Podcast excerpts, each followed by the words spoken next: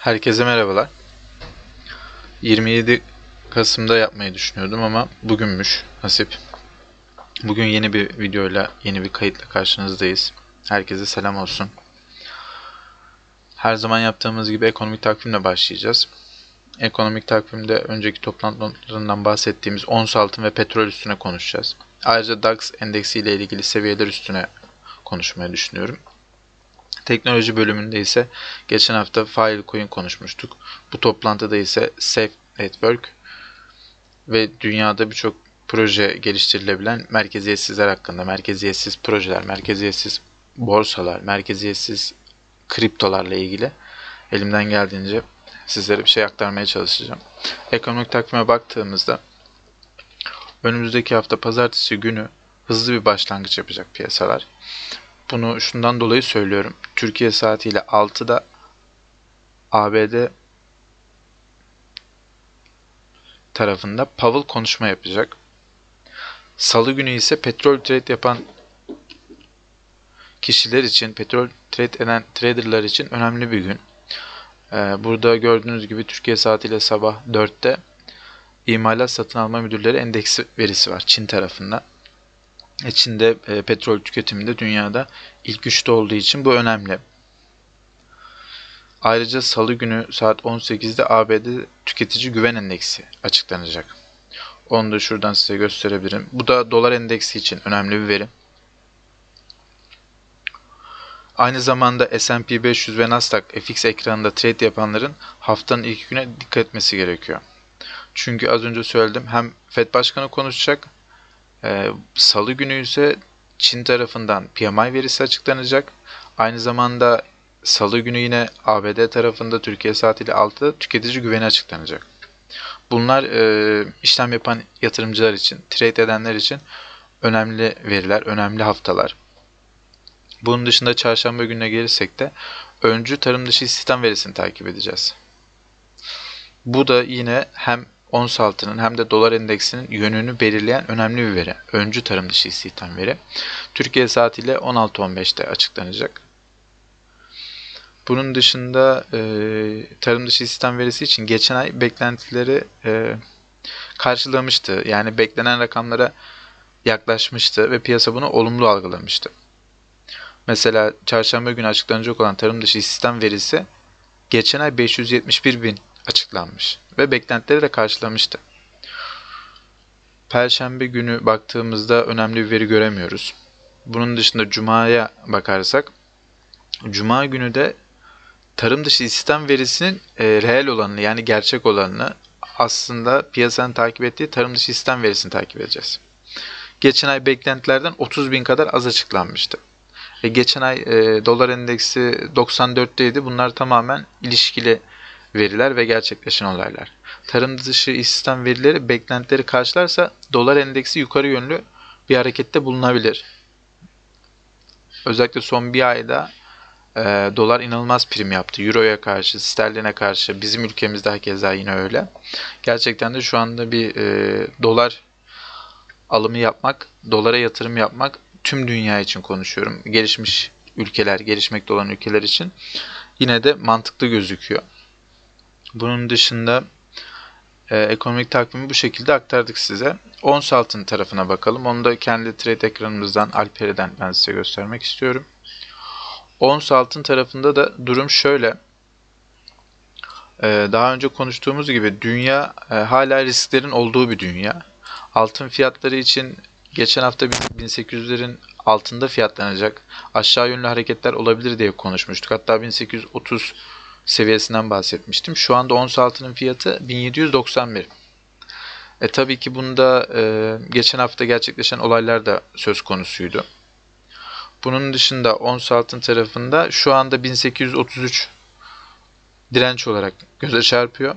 Fed'in faiz arttırımı ve enflasyonla ilgili yaptığı açıklamalar sonrası geçen videomuzda altın ve gümüş için bir baskı olduğundan bahsetmiştim. O süreçten sonra özellikle Avrupa'dan gelen kapanma ve varyant haberleri saatlikte altın long pozisyonlarını arttırmıştı. Şu anda baktığımızda 1791 seviyesindeyiz. Burada e, trade konusunu gelirsek de altında işlem yapmak isteyen yatırımcılar için genel mantık 1770 1834'ten alış 1830'dan da satış yapılarak day trade yapılabilir. Yani günlük işlem açıp kapayan insanlar için altında para kazanmak çok zor değil. Petrol fiyatları ise e, onu da açalım ekranımızı. Petrol fiyatlarında da cuma günü kapanışta %10'dan fazla bir düşüş gösterdi. Petrol fiyatları yeni varyantın ve seyahat kısıtlamaların petrol talebinde düşüş yaratacağı beklentisiyle sert kayıplar yaşıyor. Bunu grafikten, günlük grafiğimizden çok rahat görebilirsiniz. 77 üstünü konuşuyorduk. Ben 77'den 79'dan alış yapıp yukarıya gitmesini beklemenin zarar verebileceğinden bahsetmiştim. Şu anki fiyat ham petrol için konuşuyorum. 68. 68 dolar. E, bu petrol trade etmek e, konusuyla ilgili de daha önce söylediğim şeyler benim için hala geçerli. Bence siz de petrol alım satımı yaparken e, dikkatli olsanız iyi olur. Çünkü e, bu yeni varyant, yeni haberler gerçekten çok etkiledi piyasayı. Yaklaşık buradan baktığımızda 7, 8, 15 dolara yakın bir düşüş gerçekleşti petrolde. Kimisi buna alım seviyesi, alım fırsatı diyebilir. Ama ben tamamen komple uzak durursak daha fazla fayda göreceğimizi düşünüyorum. Durduk yere e, kendimizi riske atmanın da bir anlamı yok. Özellikle FX ekranlarında, kaldıraçlı ekranlarda. Bunun dışında teknoloji haberleri, teknoloji kısmına geldiğimizde de şöyle bir şey var. Onu buradan tarayıcımızdan açalım. Ben e, Web3 olaylarını çok yakından takip etmeye çalışıyorum. Hem yurt içinde hem de yurt dışındaki haber sitelerinde. Web3 gerçekten de beni heyecanlandırıyor. Bu az önce bahsettiğimiz merkeziyetsiz olması, e, belli bir statikonun yıkılmaya çalışılması gerçekten insanı heyecanlandırıyor. Tabii ki benim bu videolarda bahsettiğim Rentberry olsun, Sweet Bridge olsun, Filecoin olsun kesinlikle alalım e, para kazanırsınız diyebileceğim kriptolar, coinler değiller. Bunlar aslında normal iş hayatında tüm dünyayı etkileyebilecek önemli girişimler. Yani e, bir fanatik taraftar tokeni gibi düşünmeyin lütfen. Burada bizim konuşma nedenimiz bunlarda trade yapın demek değil, dünyada böyle şeyler oluyor demek. Rentberry, Sweetbridge, Filecoin'den bahsetmiştim. Bugün yine bir depolama ile ilgili, merkeziyetsiz depolama projesiyle ilgili olan Safe Network projesinden bahsetmek isterim. İngiltere merkezli bir startup. Yine e, bu Safe Network'te yaklaşık bir 2-3 yıllık olay. En azından ben o tarihten itibaren farkındayım. Safe Network projesinde de şöyle bir düşünce var. Yeni bir internet ağı oluşturmayı hedefliyorlar. Merkeziyetsiz bir network. Ana merkezde düşünün veri depolama merkezleri oluyor genelde. Hızlıca sayarsak Dropbox mesela. Amazon'da da böyle bir hizmet var. Bunun dışında Google Drive var mesela. Bunların e, yerine geçebilecek bir proje olarak lanse edilmişti. Yeni bir internet ağı oluşturursak hem güvenlik anlamında yani sürekli bir e, daha önce mesela Tor kullanan kişiler olmuştur. Torrent mantığıyla çalışan bir sistem. Burada da merkezsiz bir network'te şöyle düşünün. internette geçirdiğiniz e, zamanları düşünün. Verilerimizin güvenliği konusunda nasıl çözüm üretebiliriz gibi konuları düşündüğümüzde aslında mantıklı. Çünkü bu startup e, DNS server ya da hosting sunucusu ve bulut bilişim veri merkezlerini kullanmıyor kullanıcıların kendi aralarında daha önce bahsettiğim Filecoin benzeri bir veri depolama hizmeti sundukları bir sistem. Safe Network kullanıcıları da Safecoin kazanabiliyorlar. Nasıl Filecoin'de bir Filecoin madenciliğinden bahsettiysek buna benzer bir yaklaşım var burada da. Tamamen e, cihazınızda, bilgisayarınızda, tabletinizde kullanabileceğiniz bir ağ aslında. Normal bir depolama sistemi gibi, klasik anlamda bir depolama sistemi gibi bir düşünceleri yok. Safecoin zamanda e, Bitcoin kadar değerlenebilir mi bilmiyorum. Ama internette bizi sömüren aracıları ortadan kaldırıyor. Kim bu aracılar? Tabii ki e, bizi gözetleyen devletler, telekom şirketleri özellikle. Bunlar internete girmek için modemle bağlanmak zorunda olduğumuz aracılar. Yani vatandaşın doğrudan internete girmesini engelleyen internet spekülatörleri. Araya girerek bizi gözetleyen adamlar. Mesela şöyle bahsedeyim. Safe Network klasik internet şebekesi yerine eşler arası yani kullanıcılar arasında bir iletişim altyapısı sağlıyor. Daha önce torrent kullandıysanız bunu e, biliyorsunuzdur. Bunun dışında torrentten ekstra ne var diye sorarsanız da daha bağımsız. Tümüyle özel olan bir versiyonunu kullanıyor Safe Network. Şu anda be- ben bu kaydı yapmadan önce kendim de kullanmak istedim açıkçası. Biraz da hoşuma gitti. Çünkü ben de takip edilmeyi çok sevmem açıkçası. Yani e, çok e, internette veriyle ilgili çok fazla haber var. Mesela ülkemizde geçen ne oldu? Yemek sepetiyle ilgili bir e, datalar paylaşıldı.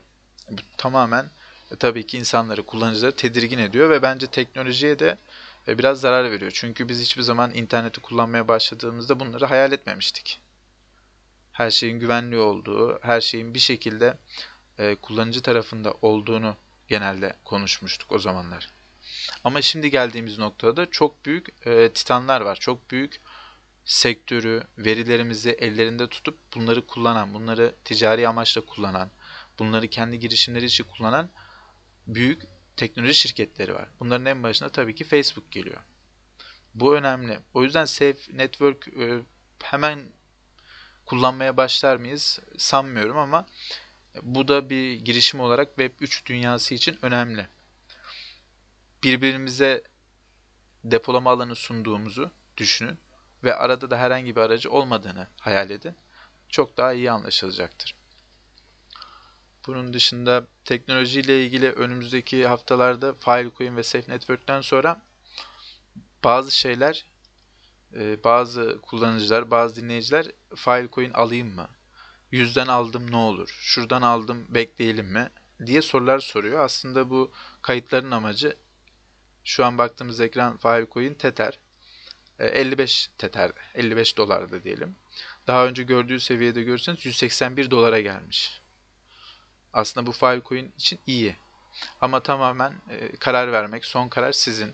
E, yatırımda sizin yatırımınız olduğu için ben Filecoin'i almam açıkçası. Safecoin tarafına geldiğimizde de şu anda 10 liralık bir fiyatı var. Burada aynı zamanda az önce bahsettim kullanmayı da düşünüyordum ama şu an test aşamasında. Test aşaması çok uzun sürdüğü için e, biraz karanlık gözüküyor. Belki bir e, güncelleme yapıyorlardır. Çünkü genelde test süreçlerinde yapılan şey şu. Denemeler. Mesela box diyoruz, e, bug diyoruz. Onları temizliği aşaması var.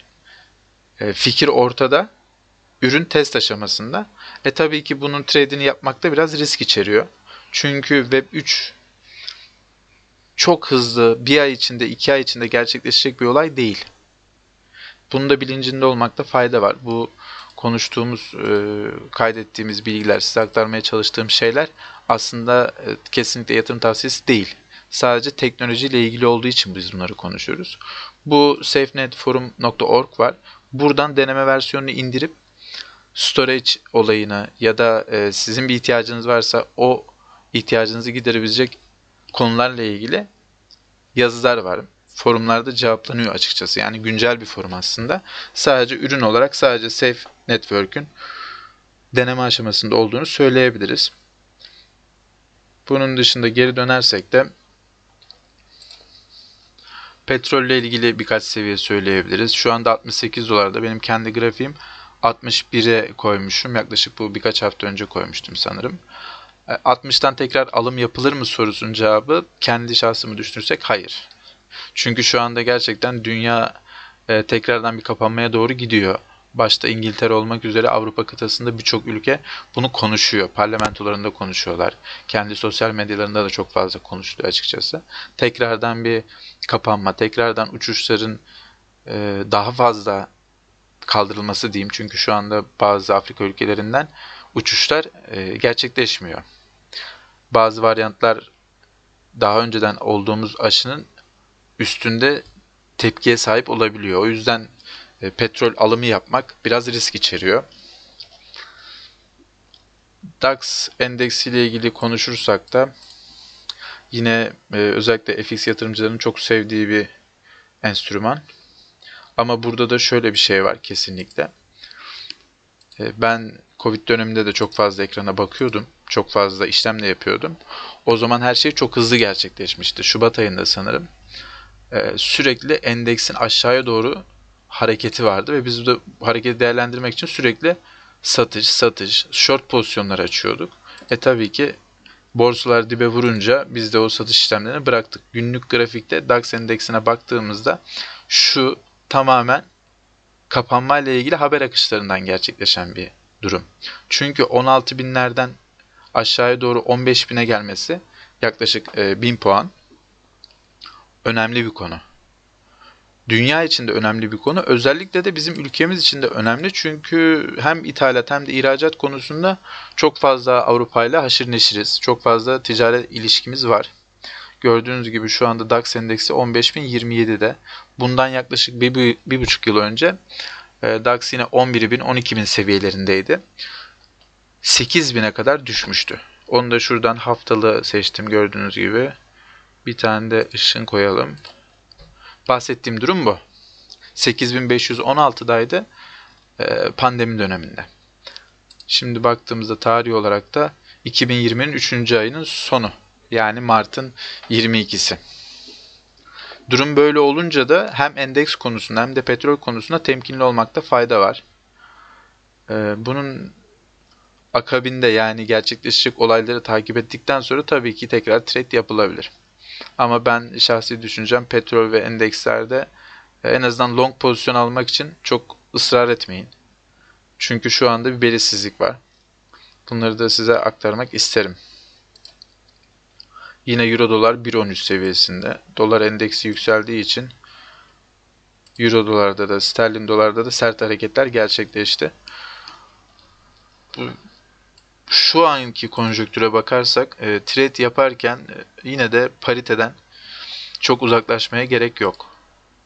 Gerçekten de parite e, belki DAX kadar, petrol kadar kazançlı değil ama en azından riski de az olduğu için biraz daha korunaklı, güvenli bir yer diyebiliriz. Bugün aktaracaklarım hepsini aktardım sanırım. Bundan sonra daha fazla pazar günlerinde toplantı notlarını paylaşmayı düşünüyorum. Aynı zamanda da çarşamba ya da perşembe günleri de hem içinde olduğumuz haftayı hem de önümüzdeki haftayı olan beklentileri, haberleri sizlere aktarmaya çalışacağım. Abone olmanız, e, beğenide bulunmanız e, bizim için çok önemli. Umarım verdiğimiz bilgiler, aktardığımız seviyeler işinize yarar ve finansal olarak biraz daha özgürleşebilirsiniz. Görüşmek üzere bir sonraki podcast'te, bir sonraki videoda size yine e, yeni şeylerden, Web 3'ten, NFT'den bahsetmeye çalışacağım. Herkese kolay gelsin derim. İyi günler.